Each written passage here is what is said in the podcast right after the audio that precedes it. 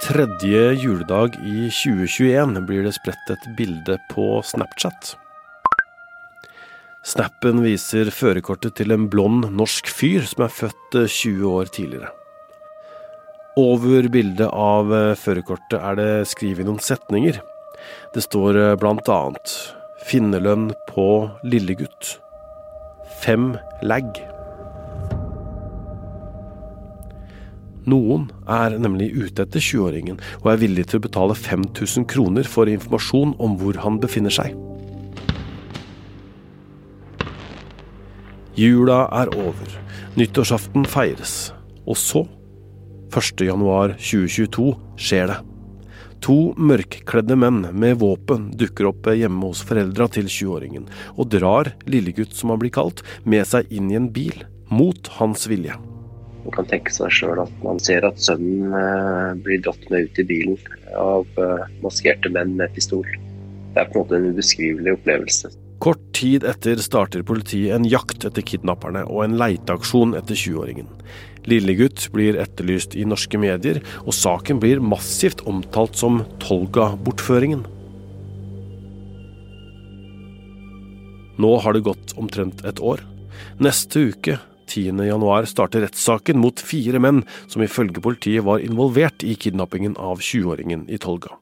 De er alle tiltalt for grov frihetsberøvelse. Noen av dem erkjenner straffskyld, andre ikke. I denne første episoden om Tolga-bortføringen skal jeg fortelle deg detaljene om hva som skjedde natt til 2. januar i fjor. Jeg heter Tor Erling Tømt Ruud, og dette er Krimpodden i VG.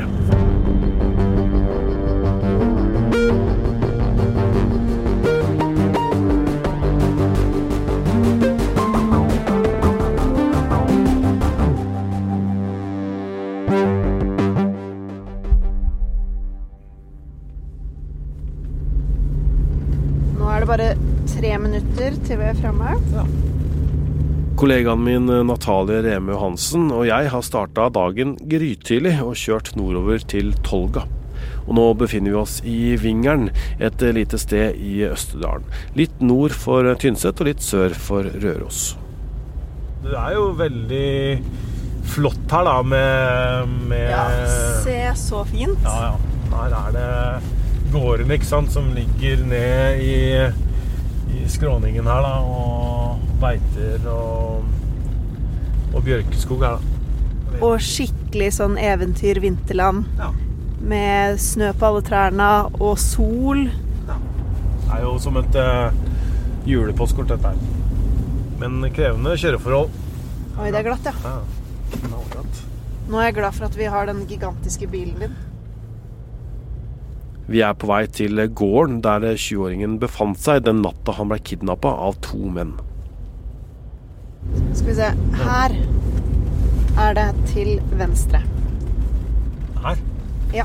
Altså, de to som henta han, må ha parkert her nede. Ja. For nå er det 500 meter opp til gården. Ja. Og de skal ha gått de siste 500 meterne.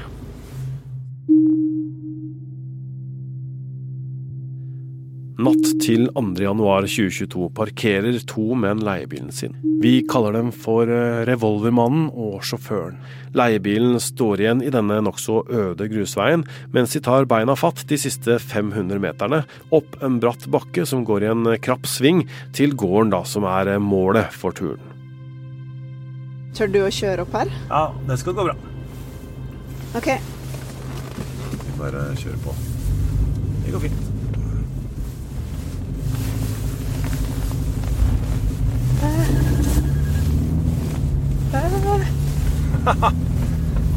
OK, du har kontroll. Det går fint. Her er vi, ja. Her ratter vi opp. Nå kommer vi rett inn på tunet til uh, denne lille gården. Her er det et uh, brunt uh, hovedhus med hvite karmer. Så er det en lafta liten, litt uthus her, og så er det en vedskjul, tenker jeg, og så en låve.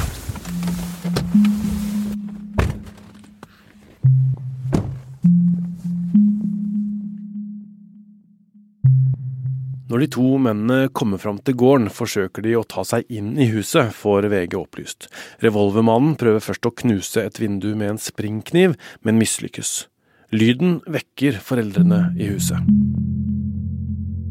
Da våkner jo eh, foreldrene som bor i huset. Eh, de går ned for å se hva som skjer, og oppdager da to menn med maske Revolvermannen skyter et par skudd inn i huset for å få foreldrene til å åpne, får VG opplyst. De kommer seg inn i huset. Revolvermannen og sjåføren forteller at de skal hente lillegutt, slik at han kan gjøre opp for seg. De sier at han har stjålet noe. Faren ringer politiet, men kommer ikke gjennom. Han prøver å få kontroll på pistolen, men til ingen nytte. Istedenfor så blir han sparka i brystet, deiser inn i veggen og faller ned på gulvet, ifølge tiltalen. Moren blir også utsatt for vold. Hvor er sønnen i huset da? Sønnen i huset ligger i andre etasje. Du ser det er to etasjers bygg her. Mm. Og, så, og, så, går da disse gjerningsmennene opp i andre etasje, hvor sønnen ligger og sover. Men de finner ham ikke i senga. Han gjemmer seg for han også får med seg hva som eh, skjer her. Men Lilleguds forsøk på å gjemme seg feiler. De to maskerte mennene finner ham. Og så, hva skjer etter det? De drar ham eh, ut fra under senga og får jo han eh, med seg ut her. Og da går jo ferden fra huset og ned bakkene her og ned til bilen mm. midt på natta. 20-åringen har kun på seg en eh, boksershorts når han blir dratt ut av huset. I disse tumultene så går det også av et skudd som sneier eh, skinka da, til, til, sønnen, så han blir såra på, på, rumpa. Og da står eh, foreldrene igjen her da, og ser egentlig at eh, to menn tar med seg sønnen og forsvinner ned bakken her. Mm. Hjemme hos seg sjøl er jo det tryggeste stedet man er på. Eh, det at noen kommer og invaderer hjemmet på den måten der, gjør jo at alle blir veldig utrygge. Eh, det er klart at det er, det er uvanlig eh, og, og veldig redselsfullt når det skjer, da. Endelig kommer faren gjennom hos politiet. Han forteller dem bl.a. om overfallet, voldsutøvelsen og at sønnen har blitt bortført, får VG opplyst. Operatøren ber foreldrene holde seg hjemme og vente på ambulanse og politi. Og så starter de søket etter lillegutt. Hvordan syns du det var å være på gården?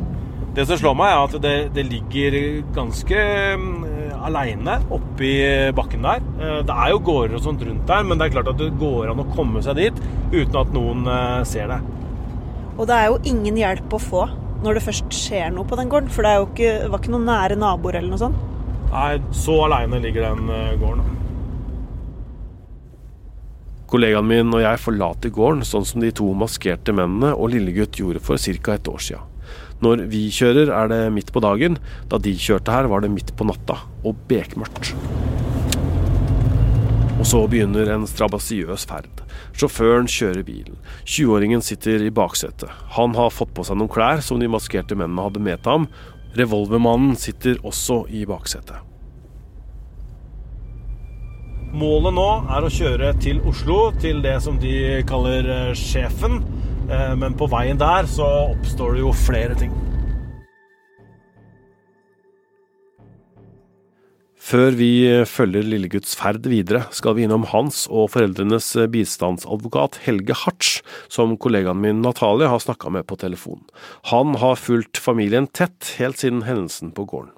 Altså jeg sitter på kvelden jeg, og ser på nyhetene. Eh, det er da jeg første gang ser bildet av fornærmede på nyhetene.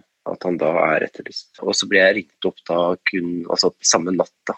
Helge Hartz er forsiktig med å gi detaljerte svar før rettssaken starter, men forteller noe om hva hans klienter har forklart om natta til 2. januar. Hva var grunnen til at eh, foreldrene ikke klarte å forhindre at de tok sønnen med seg ut?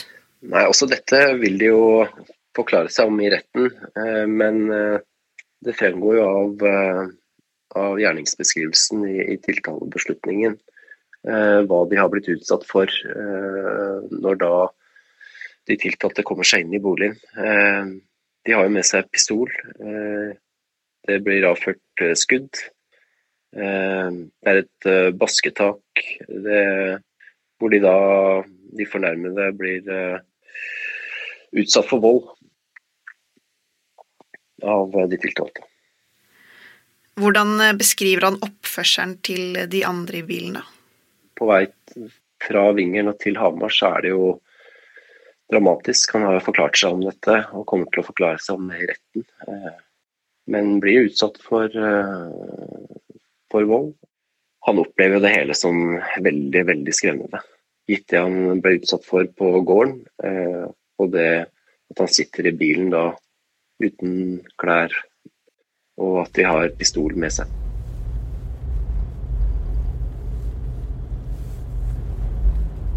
Dette er jo midt inne i Østerdalen, og vi kjører sørover. Det er minus 15 nå, og det var kaldt den gangen. Og egentlig det mest ulike enn det vi er nå, var at det var mørkt. Nå kjører vi på dagen, og det er lyst. Men det var nok ganske, nå begynner det å snø ganske kraftig her òg, faktisk. Så det var nok ganske like forhold, altså. Vi kjører den samme strekningen som de to maskerte mennene gjorde for ca. et år siden. Han vi kaller sjåføren, sleit med gjeld og gjorde dette oppdraget for å bli gjeldfri, får VG opplyst.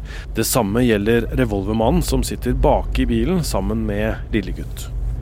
Mens de er på vei sørover, frykter de at politiet er på sporet av dem, ifølge VGs opplysninger det som VG har fått opplyst, er at sønnen, eller lillegutt, faktisk hjelper de to mennene som har tatt den med seg, i, til å kjøre bakveier og småveier for å unngå politisperringer. Ja, og det kan jo kanskje være litt rart å forstå at eh, en som blir eh, kidnappa, hjelper til med å vise vei. Men eh, der er det jo flere forklaringer på det. Det ene er at man kan bli ja, trua til å vise den veien hvor man ikke da møter politi, f.eks. Eller at, uh, at, man er såpass redd at man uh, gjør som de sier, og helst kanskje ikke vil at man skal bli oppdaga av politiet heller. Etter en stund passerer de en politibil med blålys, og mennene blir stressa. Sjåføren øker farten. Snøvær gjør kjøreforholda krevende. Og så går det skikkelig gærent. Fluktbilen kjører ut av veien og havner ut på et jorde. Når de da kjører nedover, så Nå er det inn her, faktisk. Ja, se der, ja. Mandelpoteter. Mandelpoteter. Da er det klart at vi skal dit. Når de da kjører nedover, så møter de en politibil med fulle sirener. Eh, og blir jo da litt nervøse. Og havner da utpå her. Ja. Tenk det med, med en du har tatt med deg i baksetet. Ja, det. Og så kjører du utafor. Ja, ja. I en leiebil. Ja. Så nå skal vi møte han som, eh, som har en opplevelse rundt eh, det at de kjørte ut på det jordet her.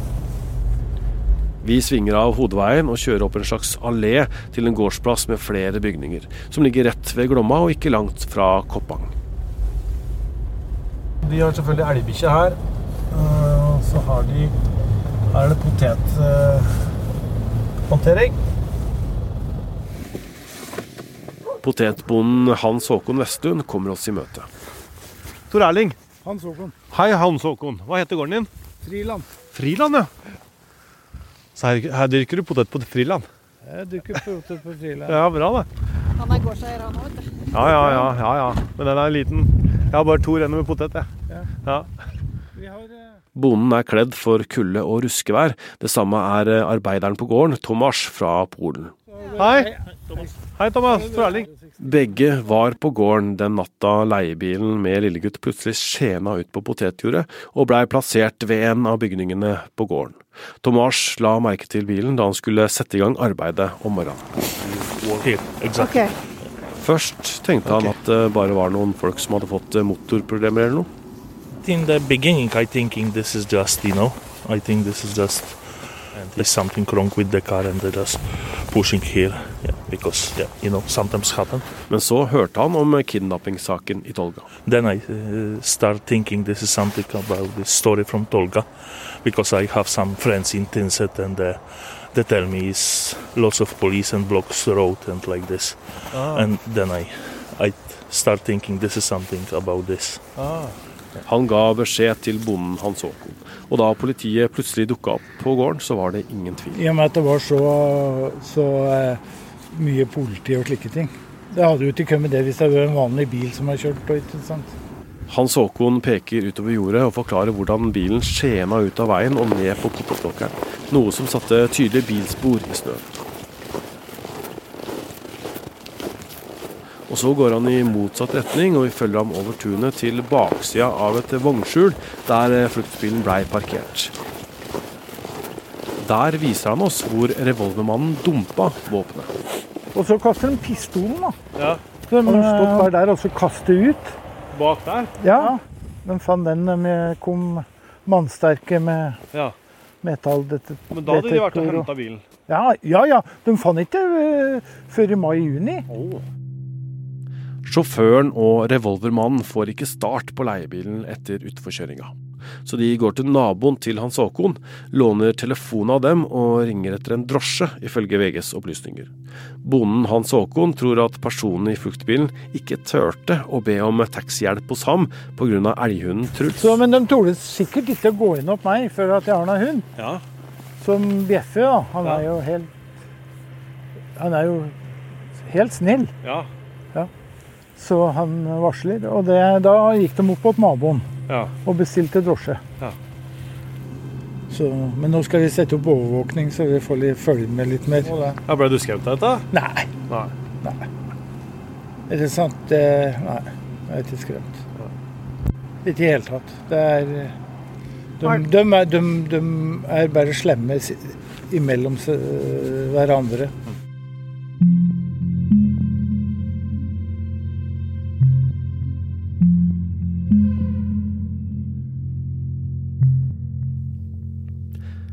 Ferden til de maskerte mennene fortsetter. Først tar de taxi til Rena, og så bytter de til en annen taxi som kjører dem til en leilighet utafor Hamar. Lillegutt er med hele veien. I leiligheten utafor Hamar så møter de en tidligere reality-deltaker som også er tiltalt i denne saken. I politiavhør har han forklart at han blei pressa til å kjøre revolvermannen og lillegutt til Oslo. Sjåføren blir ikke med videre. Noen timer seinere er den tidligere reality-deltakeren, revolvermannen og lillegutt på et sted som heter Røa i Oslo. Der venter en mobilsamtale med han som kalles Sjefen, som er den fjerde tiltalte i denne saken. Bistandsadvokaten til familien, Helge Hartz, forteller. Nei, der blir han uh, tatt med inn i en leilighet. Uh, uh, og befinner seg der fram til han blir da bedt om å forlate leiligheten. eh, og komme seg eh, måte hjem igjen. Eh, hva som skjer og hva som blir sagt i den leiligheten, det vil bli belyst eh, under fornærmedes forklaring i retten. Lillegutt får beskjed om at han er gjeldfri om han ikke sier noe til politiet. Men før han slippes fri, så må han svare på noen spørsmål i et videoopptak, får VG opplyst. Og så, drøyt 18 timer etter at han blei dratt ut av hjemmet til foreldra i Tolga, slippes lillegutt fri. Han tar buss fra Røa til Oslo sentrum, der han tar flytoget mot Oslo lufthavn. Og blir da gjenkjent på toget av en eh, konduktør som følge av eh, etterlysningen. Lillegutt får låne mobiltelefon til denne konduktøren. Han ringer hjem til mora. Så tar han et annet tog videre til Hamar. Der blir han tatt imot av politiet og kjørt til Hamar sykehus. Det ble, eh, ble fjernet et prosjektil fra rumpa hans når han kom til Hamar eh, sykehus. Men, eh, men noe mer detaljer rundt det skal jeg ikke si. Fire menn er tiltalt for grov frihetsberøvelse og grove narkotikaforbrytelser. Alle er i 20-åra, og alle har forklart seg. Politiet mener at han som har blitt omtalt som sjefen, har en sentral rolle i bortføringa, men han bestrider selv at han har hatt en sjefsrolle. Forsvareren hans, Marius Ilebekk, sier til VG at klienten vil forklare seg om sin involvering i saken i retten. Han ønsker imidlertid å formidle at eh, han er lei seg for de konsekvenser saken har fått for de involverte, og ser fram til å forklare seg for domstolen. Den tidligere reality-deltakeren som kjørte fra Hamar til Oslo, erkjenner ikke straffskyld etter tiltalen. Sjåføren hevder han ikke er i et kriminelt miljø, og forsvareren hans opplyser til VG at sjåføren meldte seg sjøl til politiet og forklarte det han visste. Revolvermannen sin forsvarer sier at klienten hans erkjenner delvis straffskyld, og understreker at han ga fornærmede mat, en dusj og trygghet i leiligheten i Oslo, der den fornærmede blei sluppet løs. Da de var i leiligheten, blei en videoforklaring tatt, slik at fornærmede kunne redegjøre for hans rolle, noe som også leda til at fornærmede blei freda og forlot leiligheten med penger til å komme seg hjem. Min klient forhindret altså et langt verre utfall for fornærmede enn det som kunne ha skjedd, sier forsvareren hans til VG. Hvilke forventninger har dine klienter til rettssaken? De ser fram imot å få behandla saken eh, og få lagt den bak seg. Det har vært et, eh, et eh, år som har preget dem veldig, naturligvis. Boligen din, hjemmet ditt, skal jo i utgangspunktet være et sted hvor man skal føle seg trygg. Så når de da blir utsatt for det de blir utsatt av den natta her, så er det en ekstrem påkjenning for dem. Og spesielt når det gjelder sønnen, så har jo han eh, psykiske skader som følge av dette fortsatt. Eh, og går til oppfølging ukentlig. Nå har du fått vite en del om hva som skjedde med lillegutt i januar i fjor. Men én ting vi ikke har svart på, er hvorfor. Hvorfor reiste to menn som tilhører et kriminelt miljø i Oslo, i timevis oppover Østerdalen for å hente lillegutt? Hva mener de at han hadde gjort? Det får du svar på i neste episode, som du kan høre allerede på mandag i VG+, eller i Podme-appen. Denne episoden er laga av Morten Hopperstad, Natalie Remu Hansen, Ruth Einvoll Nilsen, og produsent for Krimpodden er Vilde Våren. Musikken er laga av Ronny Furuvik og Epidemic Sound. Jeg heter Tor Erling Tømtrud.